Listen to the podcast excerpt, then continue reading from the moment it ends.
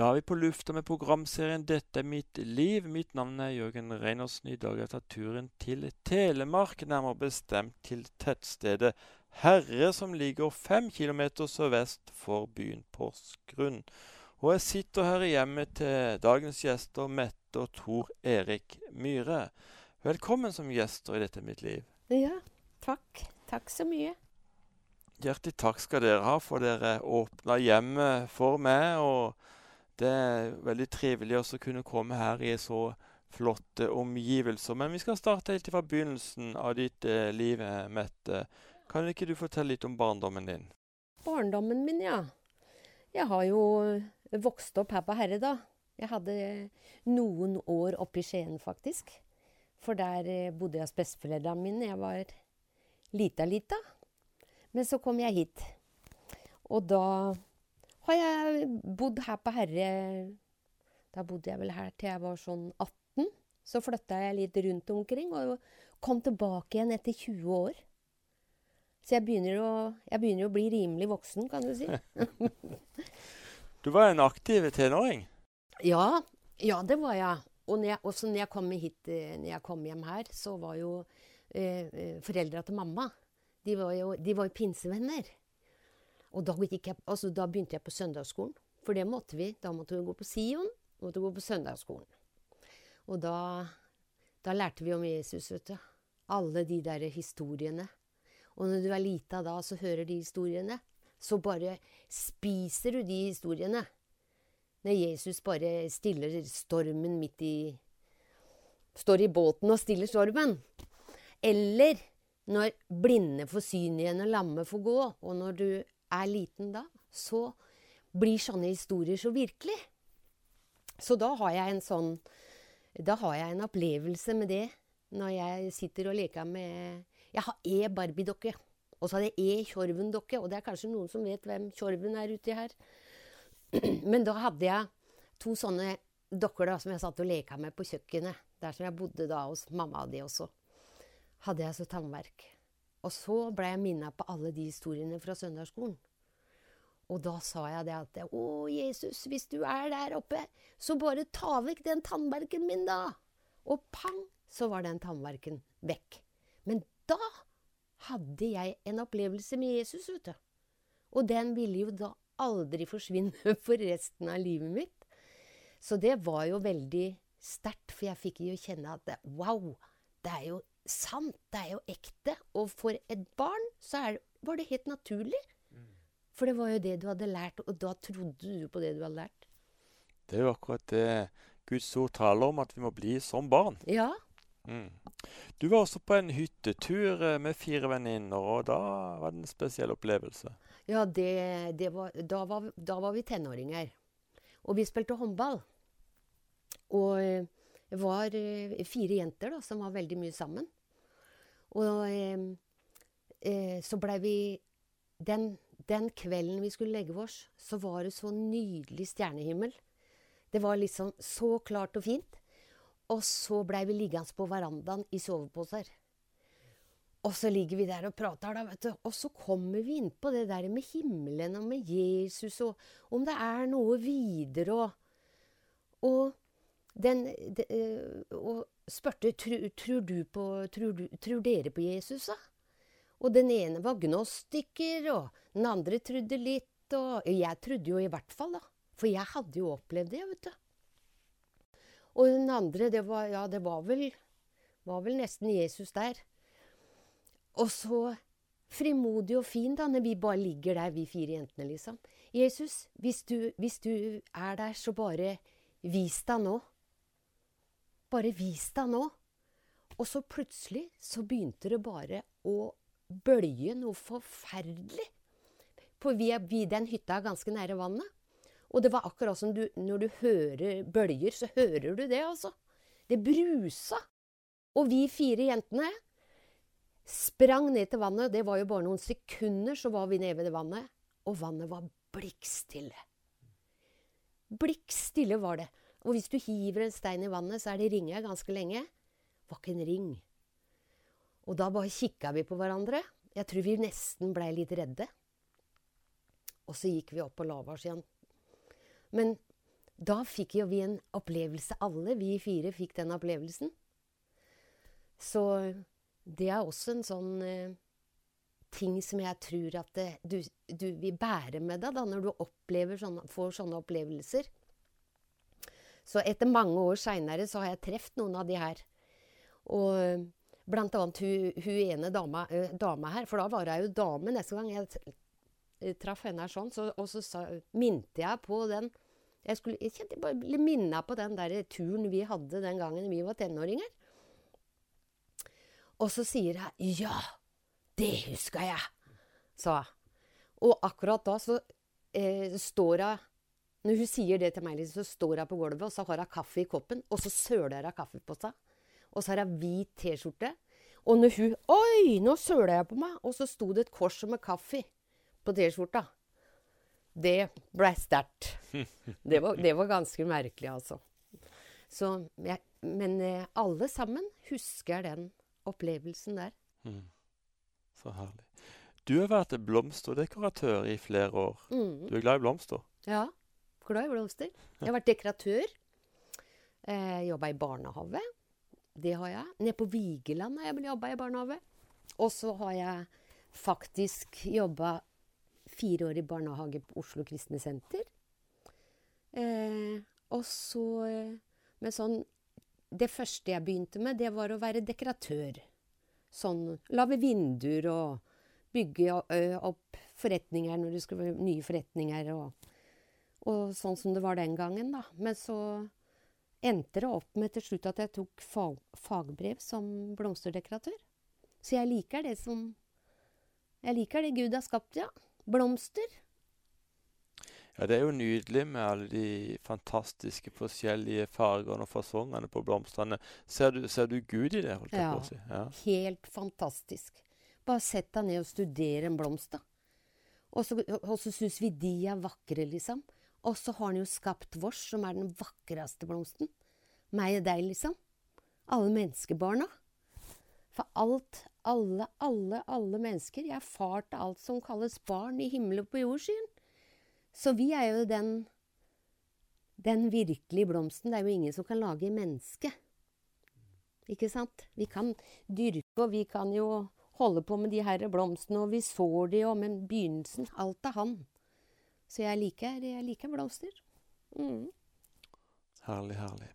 Da du var 25 år gammel, så tok du et aktivt standpunkt eh, til frelse. Hva mm. innebar det? Nei, altså Fra du var tenåring, da.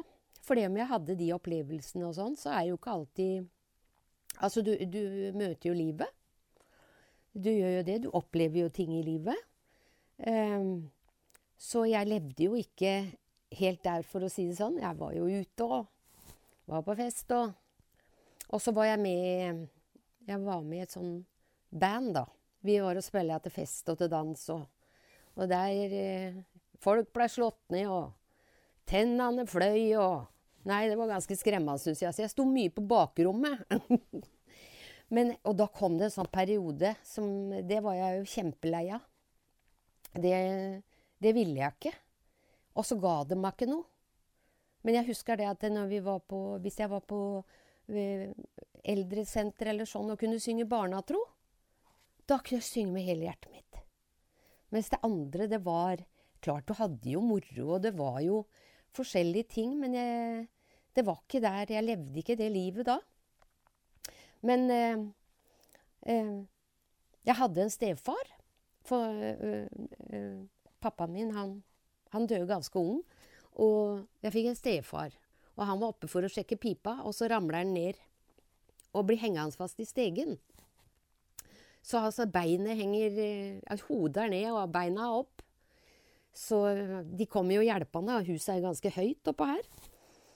Og eh, det, de gikk bra. De kom her fra beredskapen på Rafnes, heter det utpå der da. Og, og hjelpa til og fikk han ned og dro i beina opp på sykehuset med han. Og han hadde jo aldri vært rolig. Han var sånn eh, eh, veldig til å jobbe, da. Veldig aktiv. Eh, og så eh, Når han kom tilbake det, fra det, så begynte han å eh, ja, han, begynte, han begynte å sykle, han begynte å trene. Men jeg, jeg, tror han kjente på seg at han var sliten i livet. Ja. Han blei jo ikke så gammel, han blei 49 år. Og samtidig da så er det også en annen mann som jeg kjenner veldig godt, som får kreft. Og som eh, eh, eh kommer på sykehuset i Oslo og skal operere, og som de bare ikke vil åpne engang. Og så, og så For de sier bare at eh, åpner vi deg, så dør du enda fortere. For det er ikke noe håp her. Og så blir han bedt for. Og så blir, og så blir han helbreda. og stefaren min han fikk jo litt lengre tid på seg, men han, han tok imot Jesus. Han, han var klar. Han, altså, han, dør. Og da, tidlig på den sommeren der, så er det en eh, andakt på radioen. Og da bor jeg ute i Nevlunghavn. Og så står jeg og vasker opp på kjøkkenet, og så kommer det sånn nyhetssending. vet du, Bing, bing, bing, bing. Og så sier jeg ja, det er nå bekrefta at Jesus har kommet igjen og satt sine føtter på Oljebjerget. Jeg trodde hjertet mitt hadde stoppa. Det dunka, og jeg blei helt stiv. Og så tenkte jeg nå, bare fordi jeg var så feig, bare fordi jeg var så feig, så må jeg være igjen her nede. Og jeg så for meg alle de jeg kjente da, som var kristne. Nå er de borte. Eh, så det hadde vært tidligere på sommeren. Og så, og så kommer jo det med stefaren min, og så kommer det med den mannen som blei helbreda eh, seinere. Men det var bare andakt, den der på radioen, altså, som jeg nesten mista pusten av. Men det, da kjente jeg en veldig sånn dragning til Jesus igjen. Sånn veldig, veldig, veldig. Og når Tore da dør, og jeg bare vet at eh, Ja, det er en himmel. Det er en Jesus. Det er, det er en frelse. Det er ikke slutt her. Det kan jeg bare si til du som tror det at det er slutt her ute når du dør, så er det ikke det. Det er en himmel. Og det er faktisk en annen vei. Det står jo det at når, når Jesus døde, så var han i jordas hjerte i tre dager. Mm hvor han kjøpte oss fri. Med sitt blod. Med Golgata, vet du.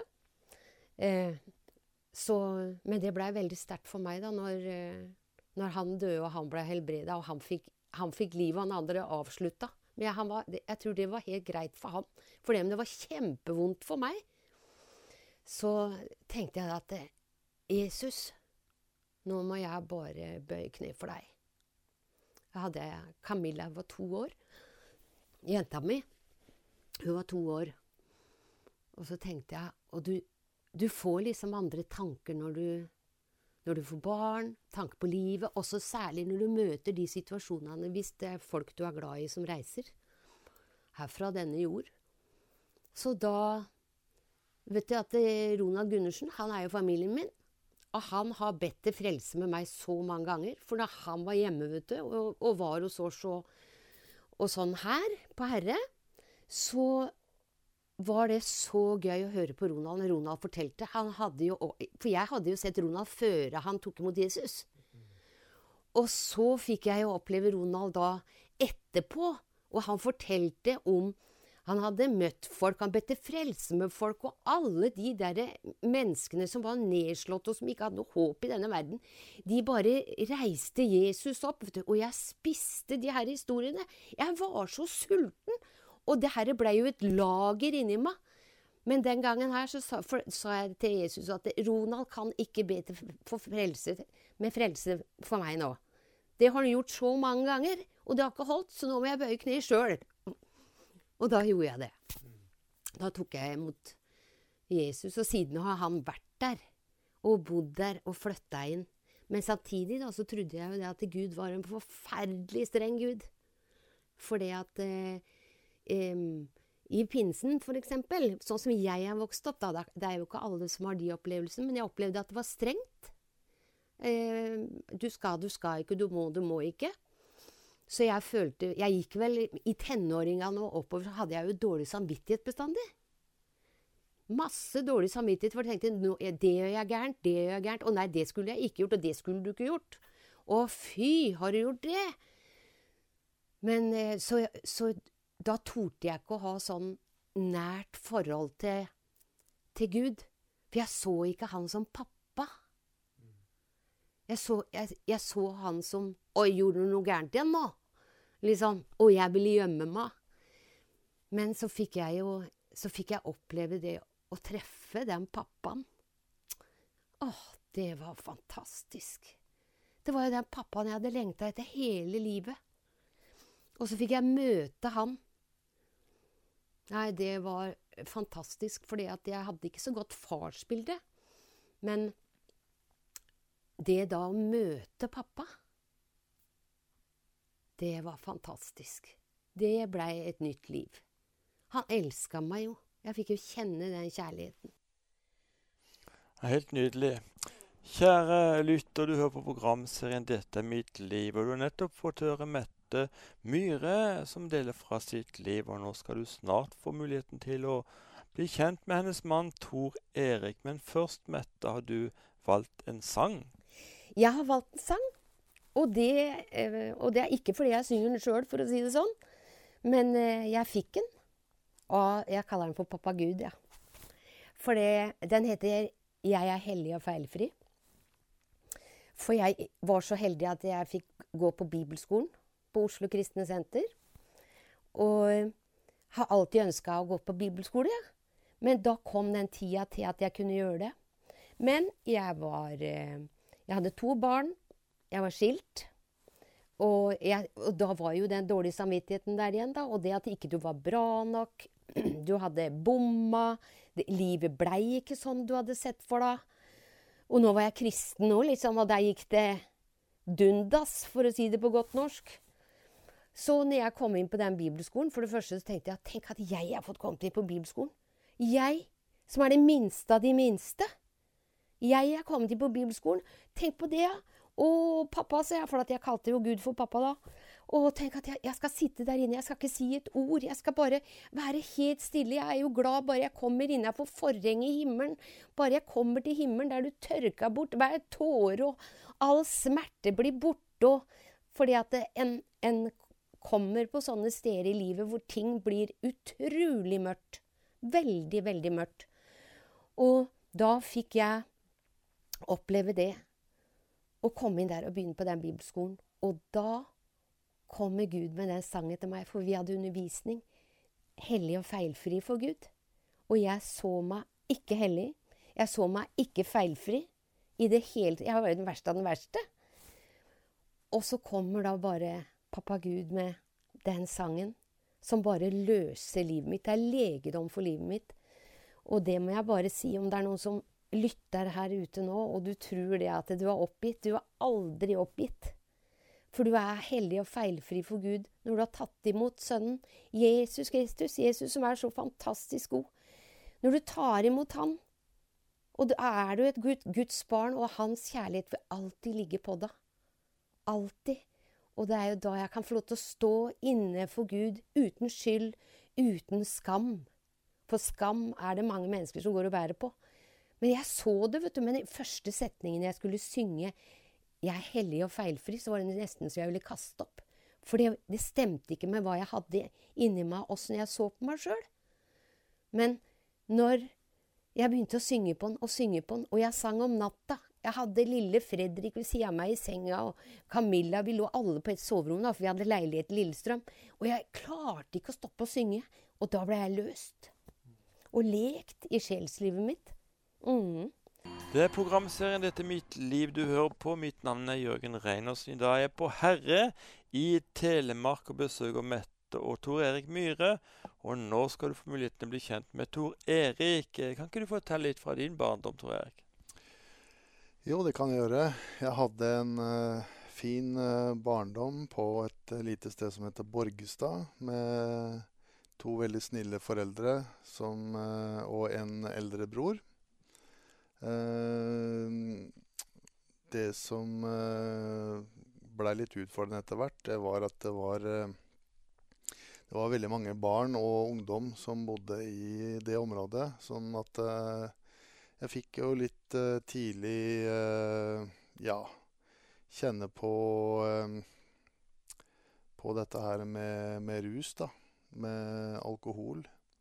Og det var noe som var veldig utbredt på den tida der. Så på tross av at jeg hadde det godt hjemme, så syntes jeg det var spennende å prøve alkohol og, og rusmidler.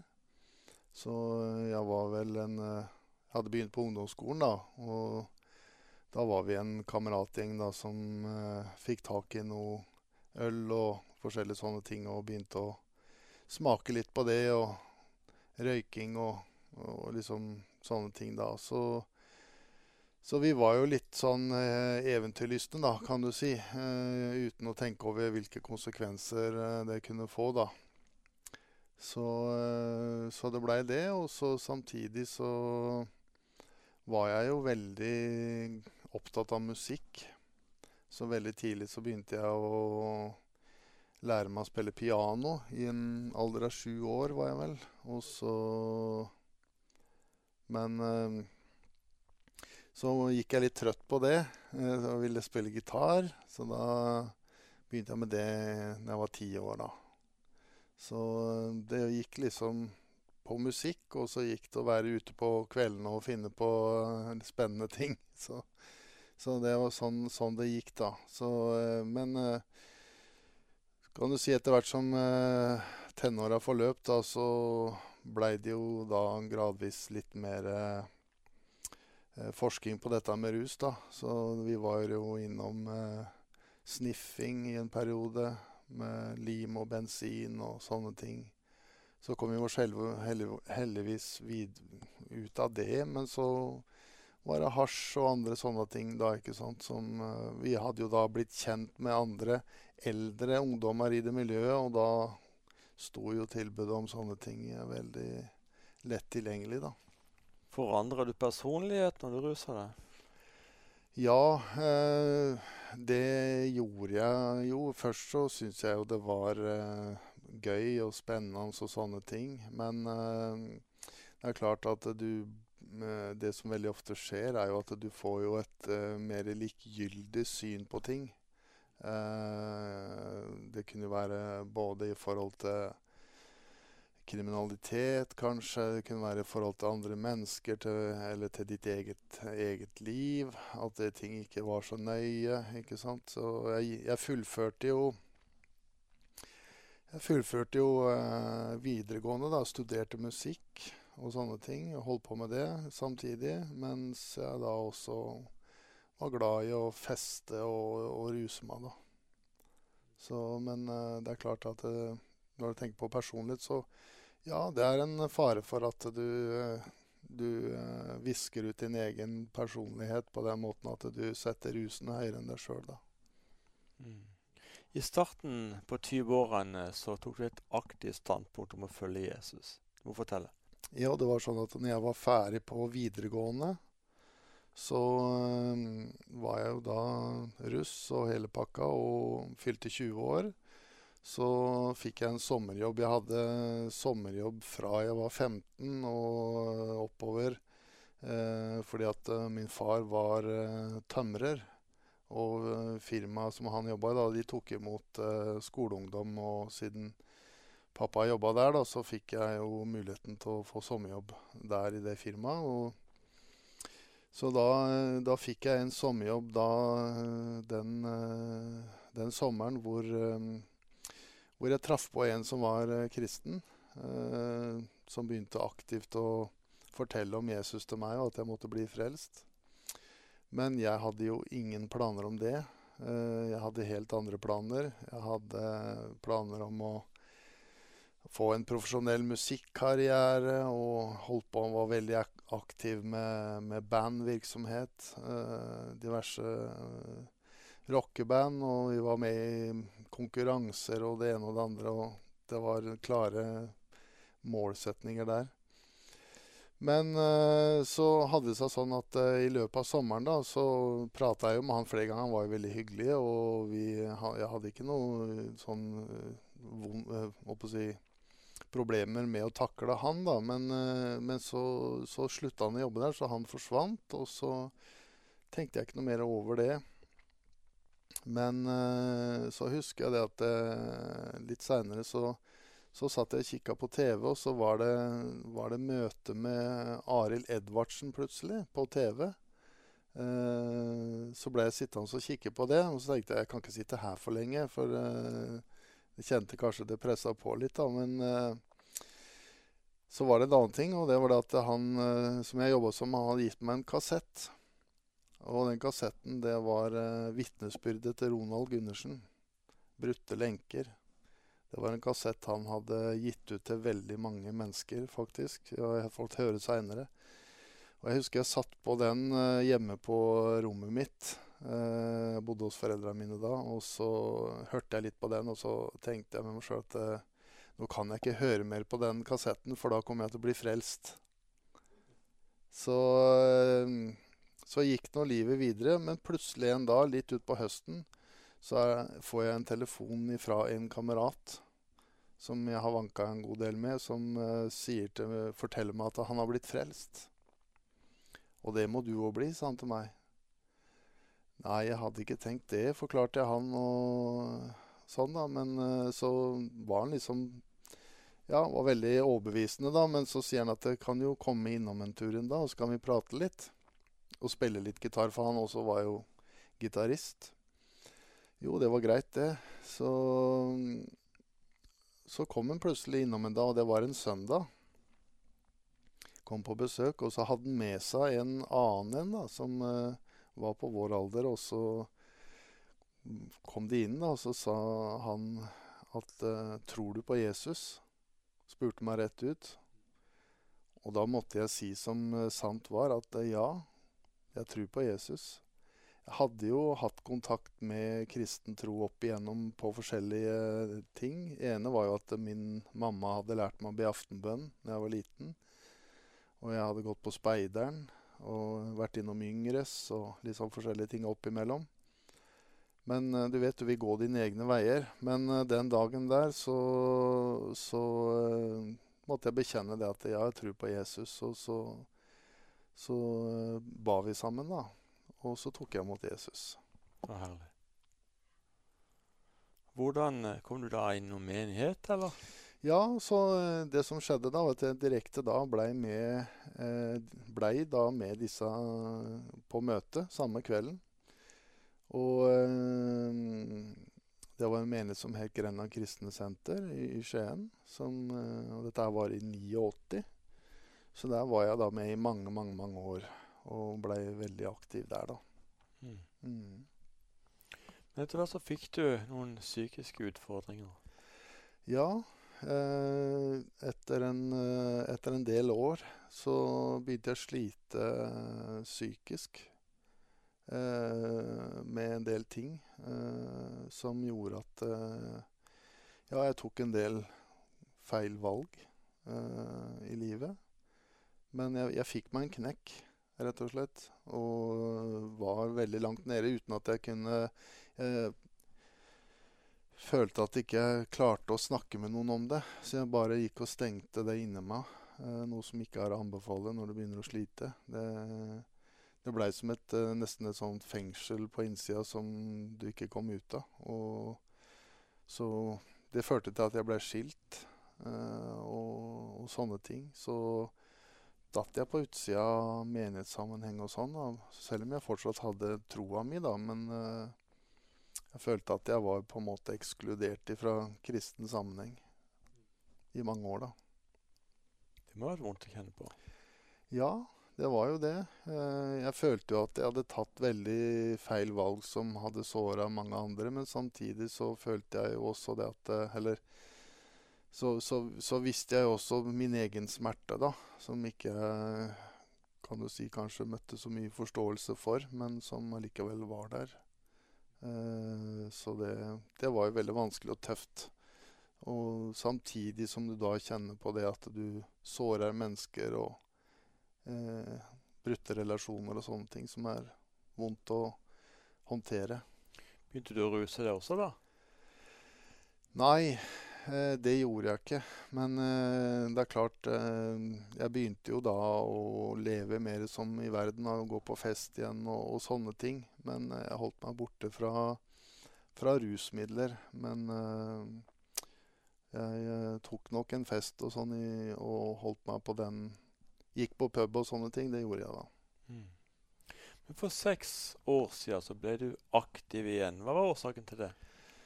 Jo, altså det var en prosess som egentlig gikk over eh, flere år. Eh, hadde seg sånn at jeg begynte å kjenne liksom inni meg at jeg eh, eh, ja, lengta tilbake igjen. Eh, lengta eller savna det jeg hadde hatt eh, den gangen, da. Når jeg var i menighet. Og det å være sammen med kristne brødre og søstre og, og liksom kjenne at den troen er der den var, og sånne ting, da. Men det hadde jo blitt veldig fjernt, da. Mange ting. Så det var jo nesten sånn at du Det eneste bibel, bibelverset jeg klarte å huske, det var Johannes 3, 16, på en måte. Men øh, så hadde det seg sånn at eh jeg fikk en, øh, fikk en bibel til bursdagen av, av, noen jeg kjente. Eh, I en som var en sånn 2011-utgave.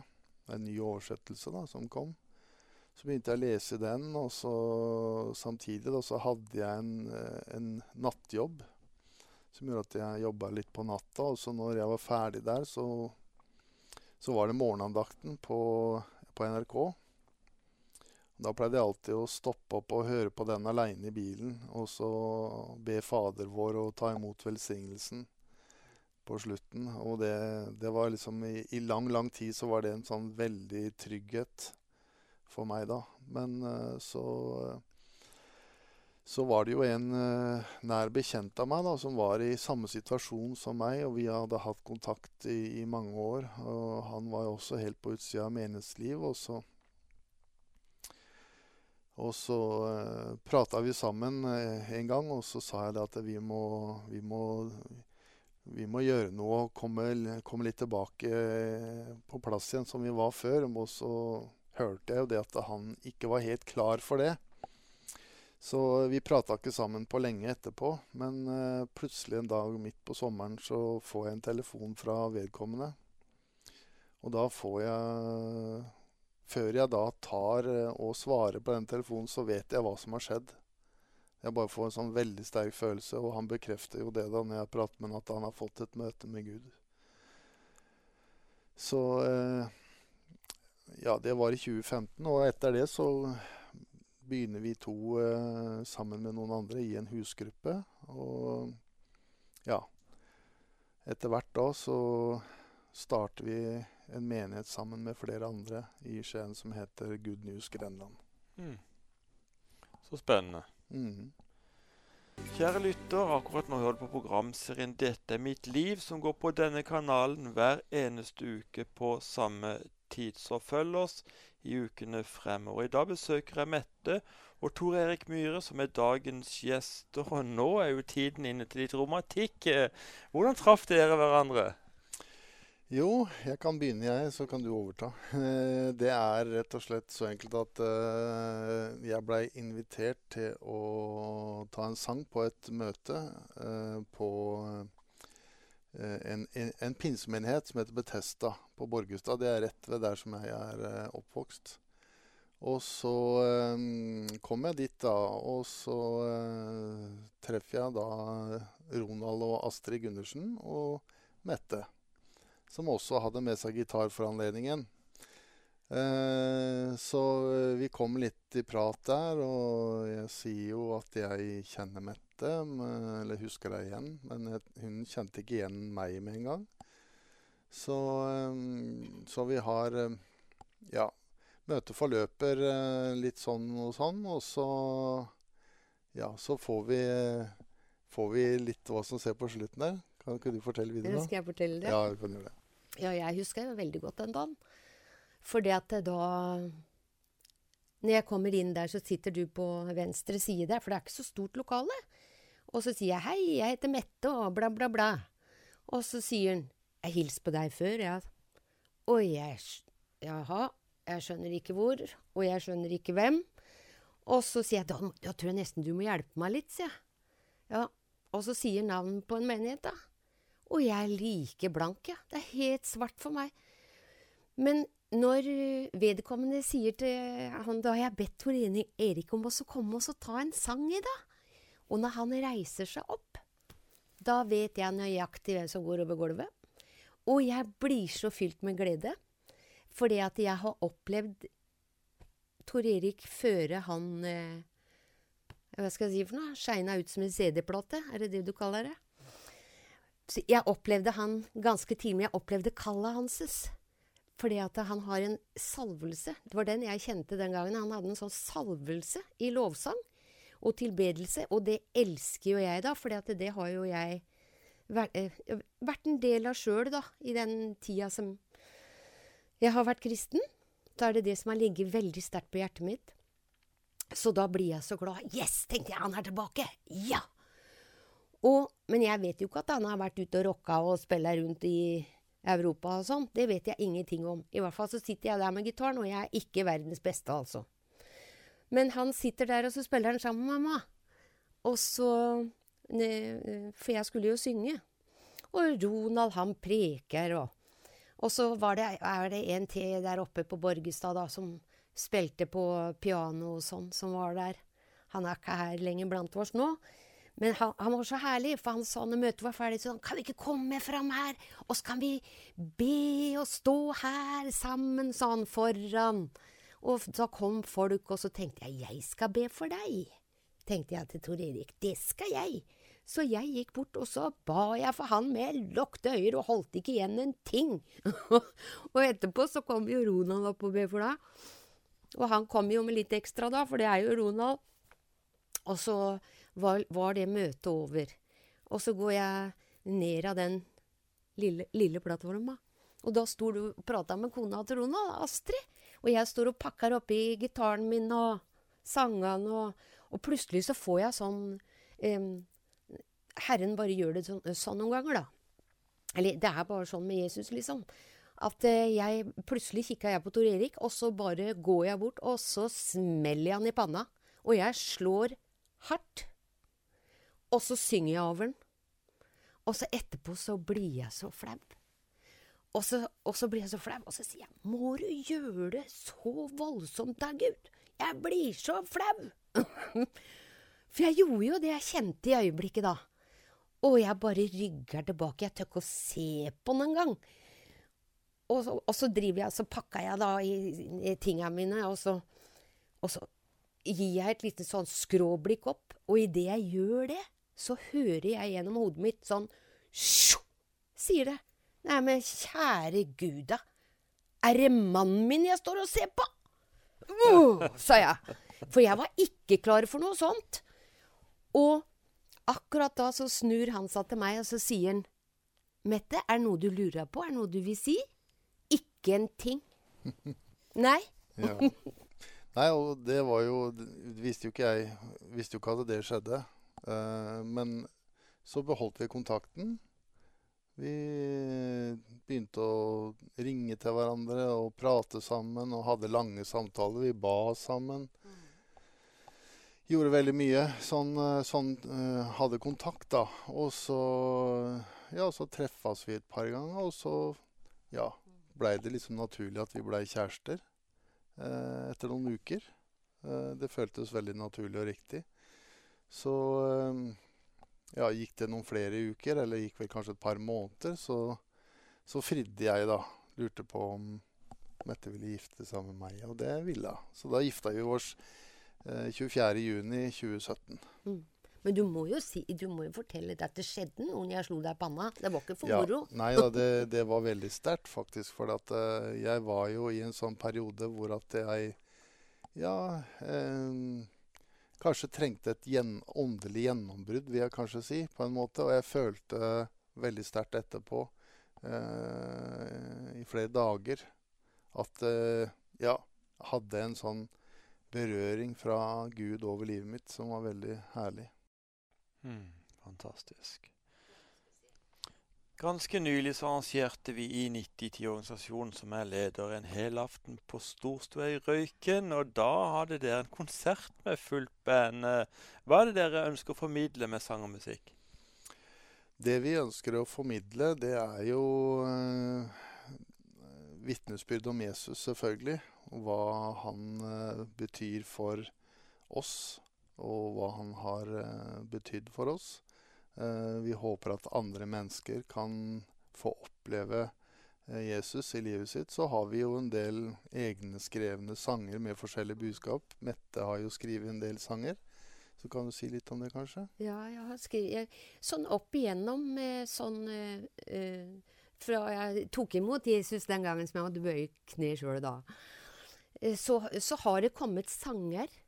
Eh, eh, ikke så ofte, men det har kommet, liksom. Og blant annet den hellige og feilfri. Og, og, og, så har jeg fått en sang som heter Kom, kom, kom. Mine barn, bare kom. Jeg, Herren, vil forfriske dere for en tid som denne. Og så sier han, jeg vil selv gå ut og hente mine barn, og jeg vil føre de trygt tilbake. Altså, jeg vil selv gå ut og hente mine barn, og jeg vil føre de trygt tilbake. Jeg vil føre de til hvilens vann, legge de i de beste enger. Du kan se for deg dem blomsterenga, liksom. Og så sender han regn ifra Jeg sender regn ifra himmelen med kjærlighet i hver dråpe. Og det at en har blitt berørt, det at en har fått kjenne og smake Jesus, eh, det, det, er veldig viktig for meg at det, mennesker, mange, mange, mennesker, de fleste har vel hørt Jesus, navnet Jesus, men det med å smake og kjenne Jesus Han er levende. Det er det som er hele forskjellen. Han er levende.